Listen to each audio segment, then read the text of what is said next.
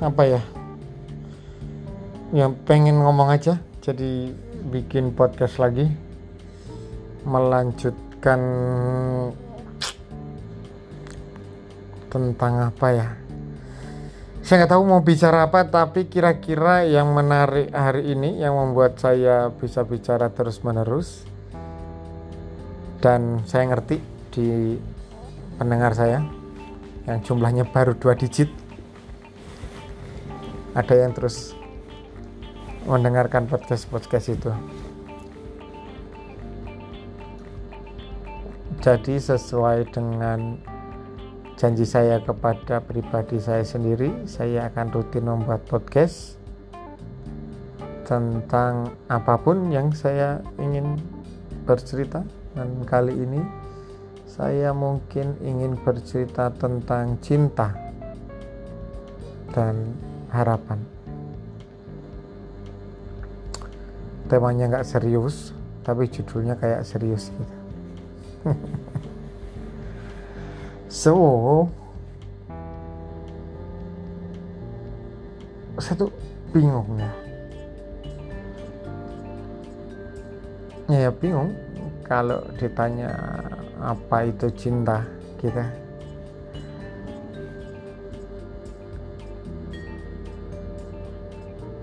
apa ya? Kalau dalam satu Korintus itu kan cinta itu berbelas kasih cinta itu uh, satu Korintus ya. Satu Korintus itu ngomongnya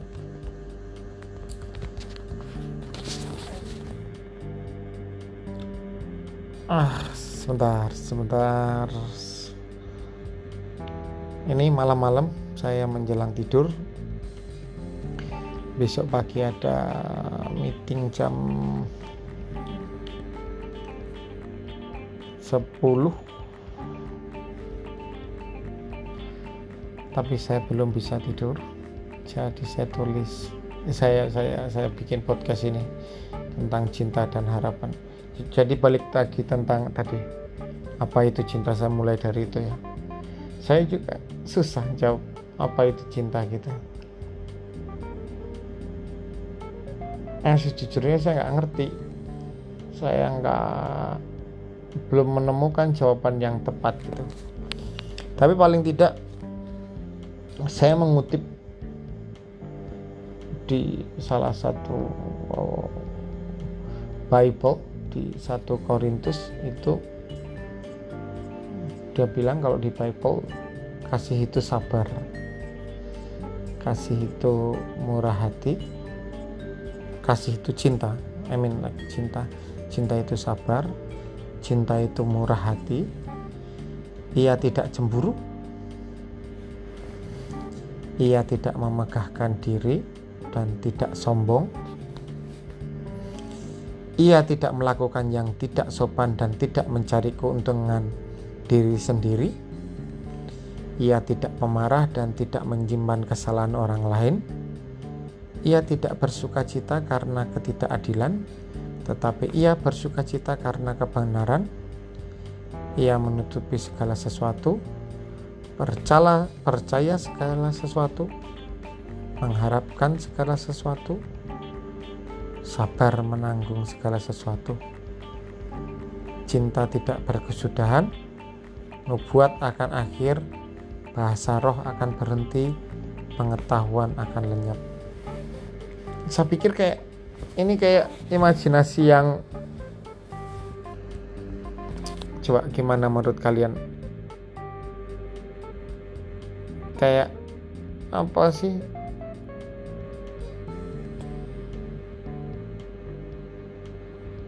Kayak berlebihan gak sih ya imajinasi Bible tentang cinta itu 1 Korintus 13 4 sampai 5 kayak ini berlebihan aja menurut saya. Satu kita bahas ya. Cinta itu sabar. Sabar. Kalau kamu melihat pasanganmu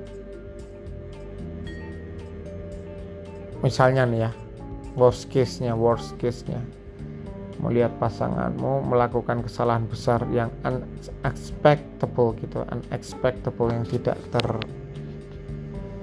terekspektasi gitu.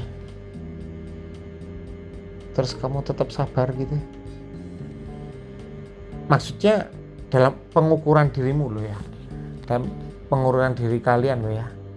Misalnya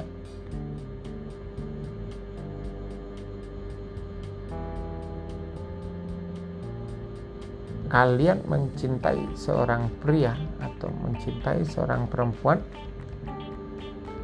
yang dalam ukuranmu laki-laki atau perempuan ini adalah orang yang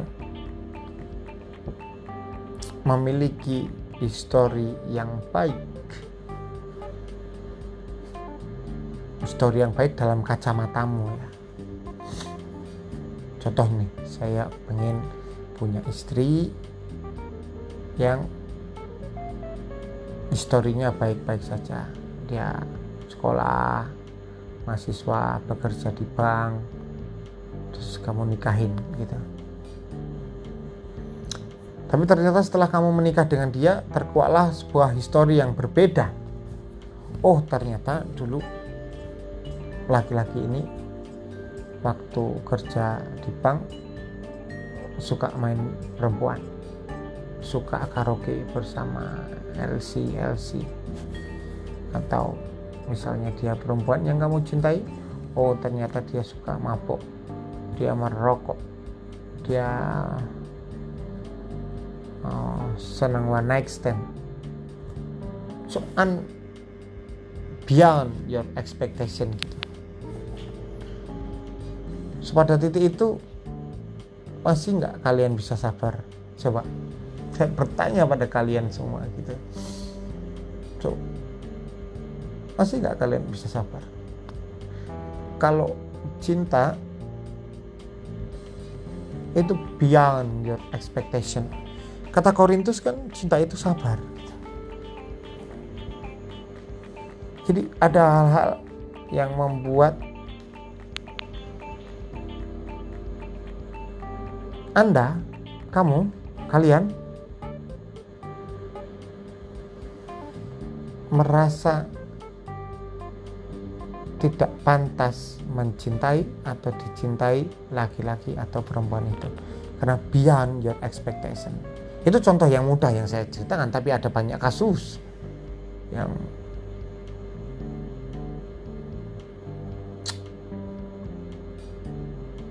apa ya yang semacam itu. Sehingga masihkah anda bisa bersabar. Itu satu pertanyaan saya. Makanya eh, saya saya tidak gini loh.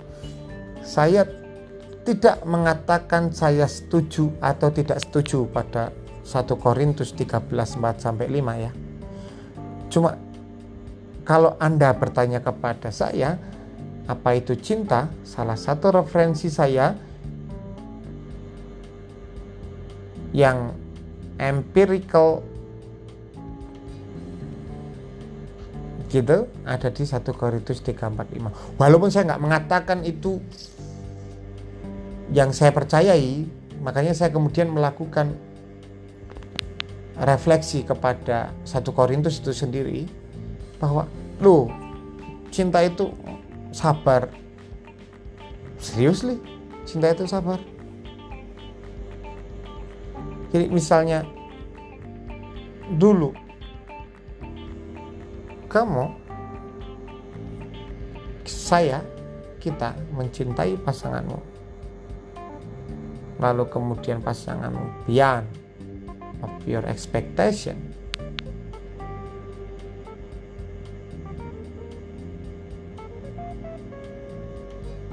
masih bisa disebut cinta gitu.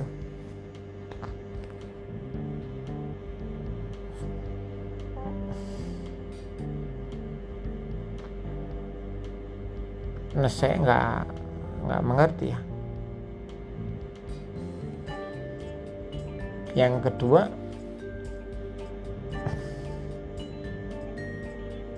kata satu Korintus itu cinta itu murah hati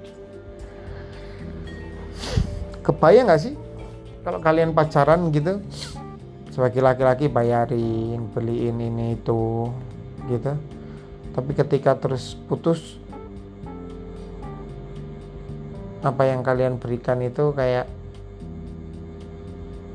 rasa sayang. Ngapain dulu gua kasih barang atas nama dia gitu.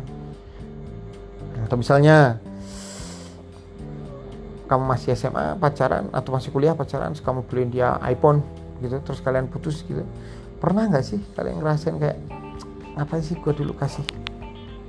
Atau misalnya kalian perempuan-perempuan atau laki-laki memper cinta pada pasangan kalian yang pertama terus kemudian kalian memperjakai diri kalian gitu. Atau memperawat nih kewanitaan kalian gitu ya memberikan keperjakaan kalian memberikan uh, kewanitaan kalian gitu kepada pacar kalian. Terus kalian putus. Apakah kemudian situasi dari hubungan kalian dari mulai pacaran sampai dengan putus itu tidak bisa disebut cinta? Karena ketika setelah putus kalian menyesal artinya kan cinta ya bukan cinta kalau kata Korintus kan cinta itu murah hati jadi kalau sudah kasih ya sudah gitu. ya sudah kalau kamu kalian sudah berikan ya sudah bermurahlah hati gitu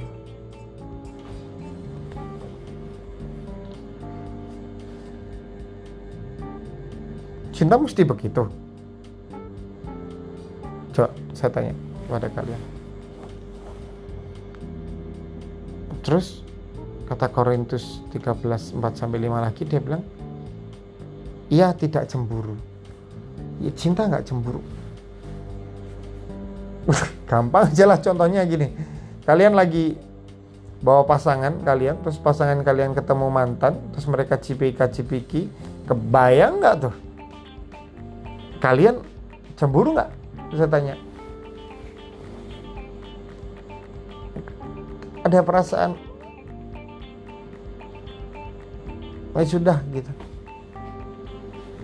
Enggak kan? Pasti kalian cemburu kan? Kalian kayak ngerasa ya gimana gitu. Ya sih? Padahal kata satu Korintus katanya ia tidak cemburu. Terus kemudian tiba-tiba pasangan kalian membayangkan pacar-pacar sebelumnya atau malah bertemu dengan pacar-pacar sebelumnya. Kalian cemburu nggak sih?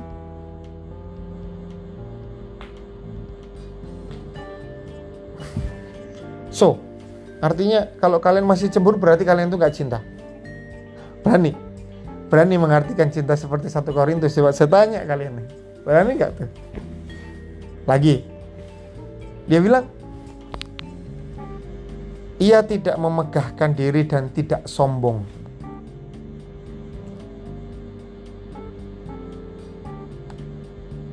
ya. Aku itu paling mencintaimu. Kamu jangan begini begitu. Ya nggak sih? Kalian sering begitu nggak sih? Kalau kamu cinta aku ya jangan begini begitu. Kayak enggak sih? Kayak misalnya aku sangat mencintaimu. Aku sangat mencintaimu makanya kalau kamu bekerja pulang jangan malam-malam. Misalnya begitu contoh sederhananya aja. Dibilang aku sangat itu kan kayak aku memegahkan diri kan aku sombong terhadap cintaku gitu loh. Kayak menjadikan cinta sebagai alat untuk memberikan suatu garis batas terhadap aktivitas pasangan kalian itu kayak bahwa atas nama cinta saya melakukan action A, action B gitu. Aduh contoh paling gampang lah kalau kalian lagi pacaran misalnya. Kemudian cewekmu atau cowokmu tiba-tiba pergi dengan teman-temannya kamu ditinggal di rumah. Gitu tuh bilang terus kamu teleponin dia. Pulang dong aku nggak ada temen. Itu bukannya cinta menyombongkan diri atas nama kasih sayang? Kemudian kamu minta dia untuk pulang padahal dia sedang bahagia dengan teman-temannya mungkin sedang main karaoke atau mungkin sedang main kartu atau kalau perempuan lagi sedang gosip dengan teman-temannya seperempuannya itu cinta nggak boleh menyombongkan diri atas nama cinta kemudian mengganggu kebahagiaan yang kita cintai. Bukan begitu kalau menurut Korintus. Ayo gimana? Ayo gimana? Ngeri nggak sih cinta menurut Korintus ini? Ngeri banget sih. Oh kata-kata ngeri yang aku ucapkan barusan nggak berarti kemudian aku nggak percaya pada satu Korintus ya. Nggak kemudian setelah aku ngomong aku nggak percaya pada satu Korintus terus aku juga percaya gitu. Saya tidak atau belum berstatement apa pun apakah setuju dengan atau tidak setuju dengan satu Korintus loh ya. Jangan salah mengartikan nada dan kata ngeri tadi loh ya. Terus satu Korintus ngomong lagi begini. Ia tidak melakukan yang tidak sopan dan tidak mencari keuntungan diri sendiri. Yang tidak sopan menurut Injil ya tentu saja sexuality, KDRT,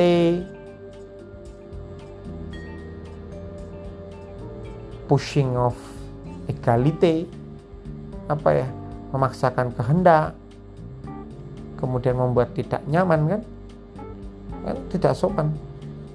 Kalau kamu mencintai pacarmu, kalian makhluk mamal saling mencintai, doing sex tidak sopan loh. Ciuman, eh kalau ciuman masih mungkin masih dimaklumi ya. Kalau menurutku Bible akan melihat doing sex itu sebagai sebuah tidak kesopanan. Jadi kalau kamu saling mencintai lagi pacaran, sekalian doing sex itu artinya tidak sopan artinya kita kamu tidak cinta dia loh kamu nikahin dulu baru kalian disebut cinta. Seriously? Seriously? Kalian bisa begitu? Coba saya tanya. Coba saya tanya. Seriously? Jadi lu orang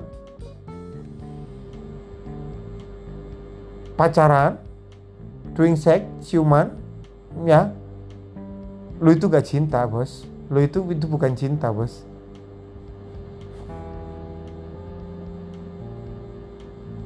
Gak sopan karena gak sopan.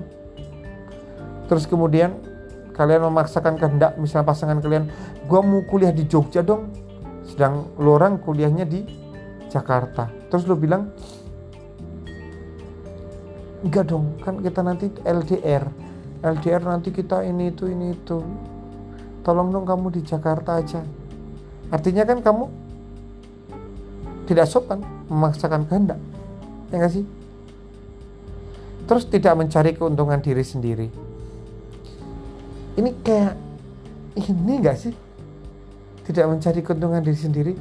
Kalian berpacaran dengan A bukannya biasanya karena A itu membuat kalian nyaman, membuat kalian bisa bersendau gurau, membuat kalian bisa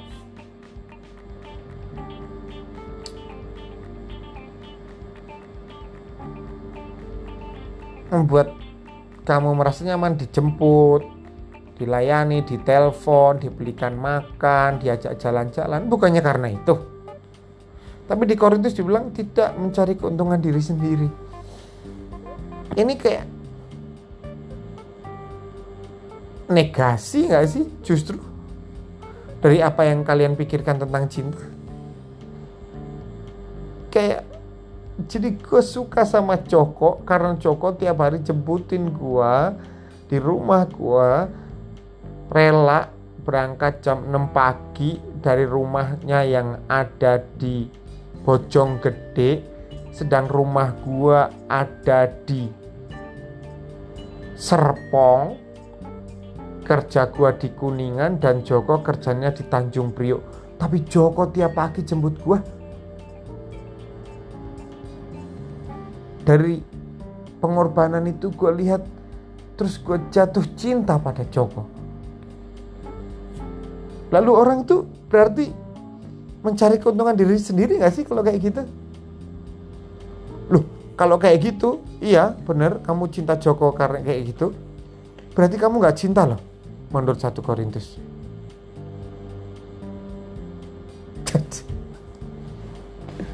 bingung kan? Kalian bingung? Apa mau membantah saya? Kalau bantah saya, email saya kan ada. Komenin dong. Ini kalau podcast begini di Spotify nggak ada komennya ya. Yep, kasihlah saya feedback di email saya. Loh, saya cuma ngomong dari satu Korintus loh. Kalau saya salah pengertian ya ya silahkan terus lagi dia bilang di satu Korintus ia tidak pemarah dan tidak menyimpan kesalahan orang lain. Sekarang pasanganmu ketemu mantannya mereka ciuman di depanmu kalian marah nggak? Nah gue tanya ada tuh. Gue tanya sekarang kalian marah apa enggak Satu Korintus bilang dia tidak memarah dan tidak menyimpan kesalahan orang lain. Sekarang pasanganmu itu ketemu mantannya dia cipika cipiki. Kalian marah nggak? Hah? Gua tanya kalian marah nggak?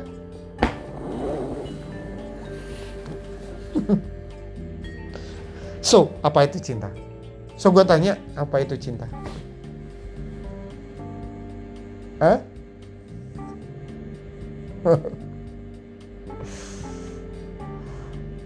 Yohanes pasal 4 juga bilang gini, di dalam kasih tidak ada ketakutan. Kasih yang sempurna melenyapkan ketakutan. Sebab ketakutan mengandung hukuman dan barang siapa takut, ia tidak sempurna di dalam kasih. Ya,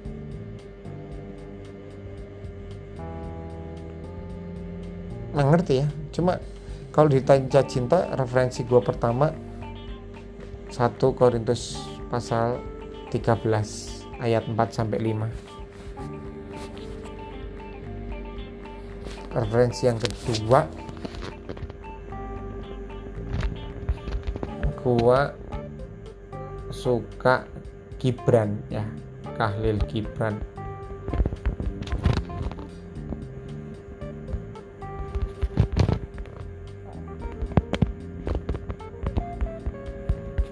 Ngomong-ngomong tentang satu Korintus tadi gua nggak ngomong gua nggak setuju ataupun gua nggak ngomong gua setuju loh ya cuma kalau lu orang kalian tanya ke gua apa itu cinta? Itu referensi pertama gua tuh.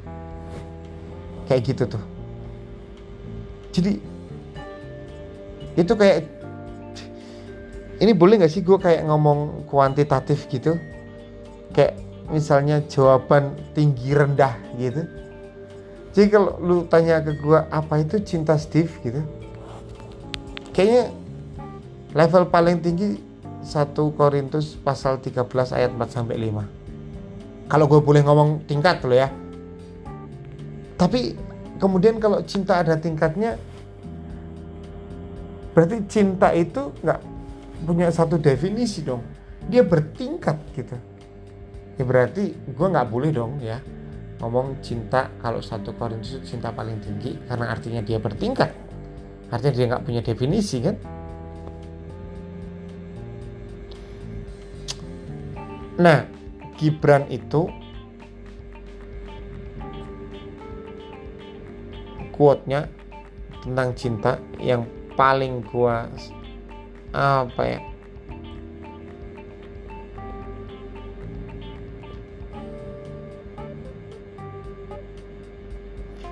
Apa yang gua kutip gitu ya.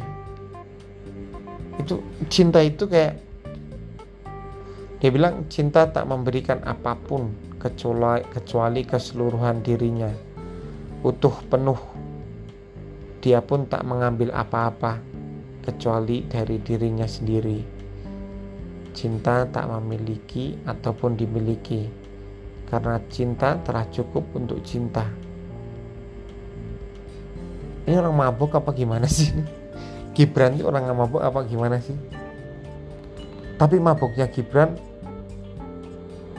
si Kahlil Gibran ini kayak mabuk yang serius gitu. Dia bilang cinta tak memberikan apa pun kecuali keseluruhan dirinya gitu. Pernah gak sih lo ngerasa lo punya orang yang lo sayang terus kayak ya udah deh gue kasih semuanya ke dia pernah nggak sih? Pernah kan pasti kalau kalian bener-bener pernah ini lo ya jatuh cinta? Ya gak sih? Terus Gibran bilang utuh penuh. Dia pun tak mengambil apa-apa. Jadi menurut Gibran kalau lo udah ngasih keseluruhan dirimu lo tuh kayak ya sudah ikhlas. Lo ikhlas lo mau ngapain? Yang penting gue cinta gue kasih semuanya untuk lo kata dia bilang begitu. Kecuali dari dirinya sendiri. Dia pun tak mengambil apa-apa kecuali dari dirinya sendiri. Cinta tak memiliki ataupun dimiliki. Karena cinta telah cukup untuk cinta. Itu kayak ah jerit gue punya sesuatu dalam hati gue untuk lo. Maka kemudian jiwa dan raga gue itu untuk lo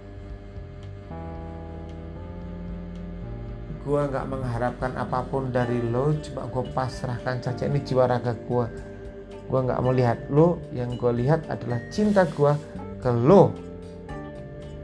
Maka menurut gue dari Gibran ini muncul anekdot. Asalkan kamu bahagia menikahlah dengan orang lain. Dia bilang itu kan kayak mabuk yang berat gak sih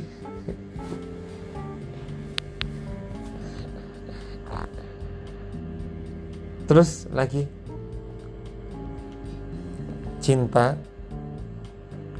yang paling gue suka itu menurut Sapardi Jaka Purnomo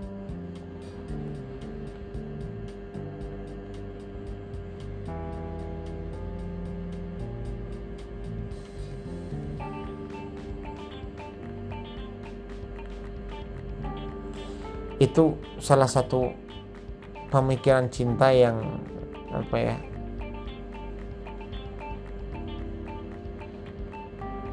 Yang yang yang yang.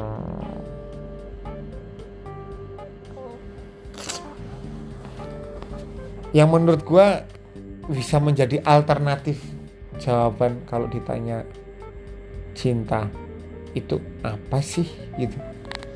Nah, salah satunya quote-nya dia begini Aku ingin mencintaimu dengan sederhana, dengan kata yang tak sempat diucapkan kayu kepada api yang menjadikannya abu.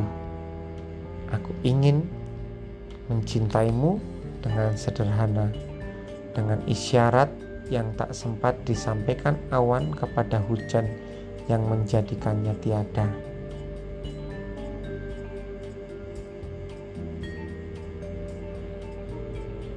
kamu merhatiin gak sih si Sapardi ini kayak aku ingin mencintaimu dengan sederhana dia bilang. Ya sudah gua cinta gitu. Dengan kata yang tak sempat diucapkan kayu kepada api yang menjadikannya abu.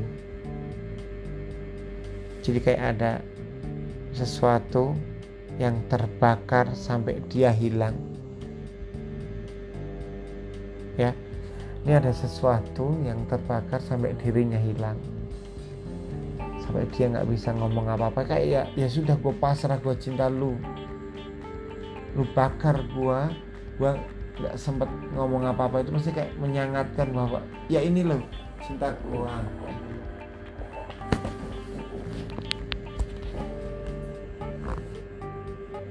Aku ingin mencintaimu dengan sederhana, dengan isyarat yang tak sempat disampaikan awan kepada hujan yang menjadikannya tiada kayak ya itu kayak pasrah aja kasih aja yang penting lo cinta gitu.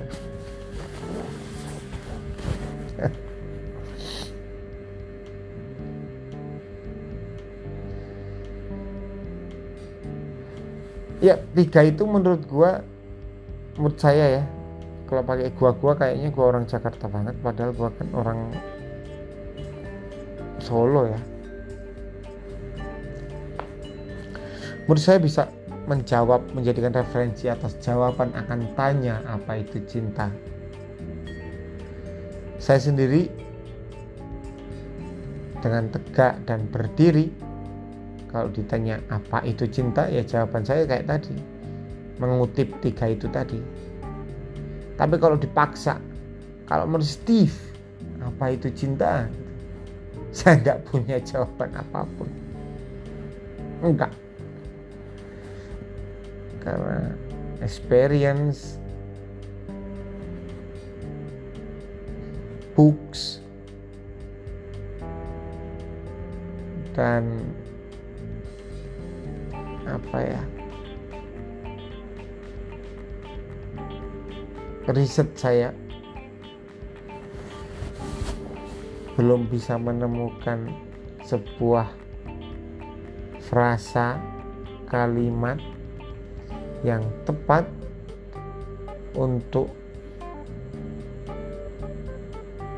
mengapproach memberikan pendekatan yang akurat terhadap pemanaan cinta itu sendiri. Sih itu ya. Lalu tema yang ingin saya bahas tadi kan cinta dan harapannya gitu.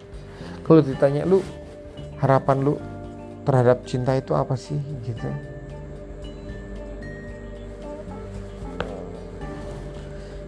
Kalau saya sih kalau aku sih simple ya.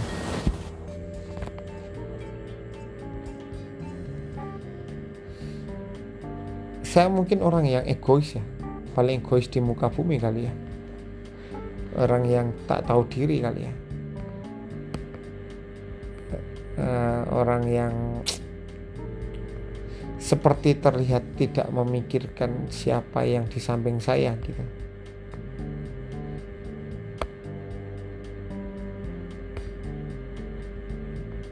Siapa pendamping saya gitu.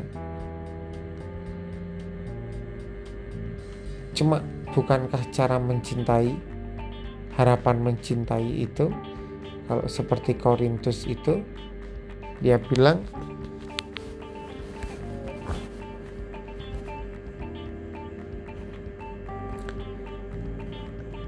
uh,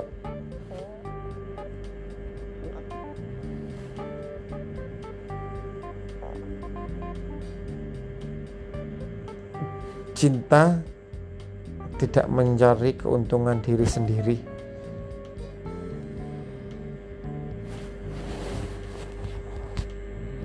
Jadi kalau saya ditanya gimana harapannya cinta, ya itu saya memberikan sesuatu yang menurut saya bisa saya deliver kepada orang paling dekat saya gitu. Menurut saya itu bentuk cinta alternatif bentuk cinta yang bisa dilihat oleh mata. Menurut saya ya saya orang yang egois orang yang tidak romantis tapi saya percaya cinta tak perlu dikatakan I love you, you love me, I love you, I love you too. Saya kira nggak begitu. Saya kira ketika Anda bekerja dan Anda memikirkan dia itu cinta. Atau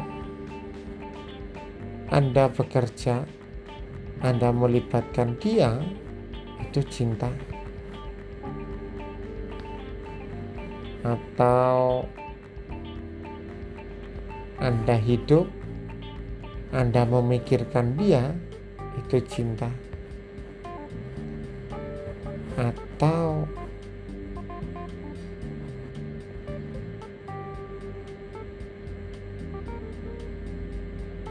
Anda bekerja, Anda memberikan ruang yang luar biasa.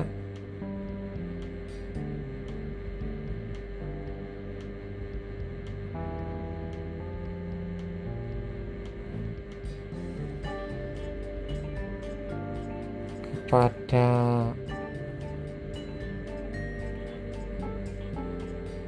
apa ya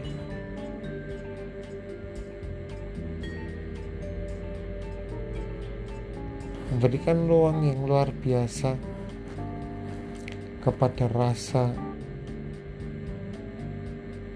yang tidak kelihatan secara hasrat dan mata. Contohnya, saya mencintai, misalnya ada orang mencintai istrinya, maka dia berikan apa yang dia punya semuanya untuk istrinya atau seorang laki-laki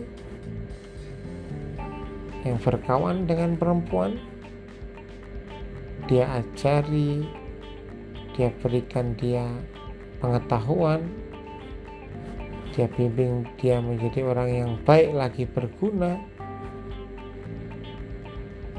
dia ajak dia dalam sebuah pergumulan yang baik yang sopan, yang menguntungkan, yang saling tahu satu dengan yang lain, menurut saya itu cinta.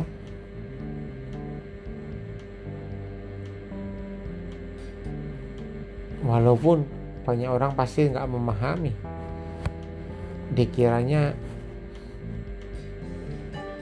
memanfaatkan atau apalah itu padahal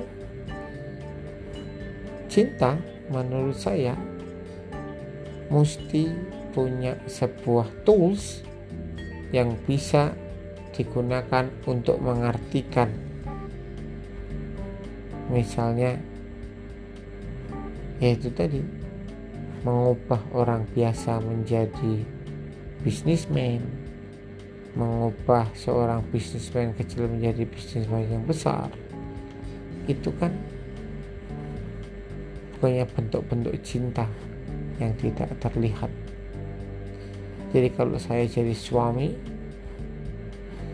saya bekerja keras untuk istri walaupun kadang tidak bisa membawa mereka jalan-jalan gitu. Tapi dengan cara saya bekerja keras itu adalah bentuk I love you yang diberikan oleh saya kepada istri dan anak-anak saya. Begitupun ketika saya menaruh sebuah tanda cinta pada seorang perempuan, maka saya bantu dia menjadi lebih baik. Bukankah itu kata lain dari cinta? Gimana menurut kalian?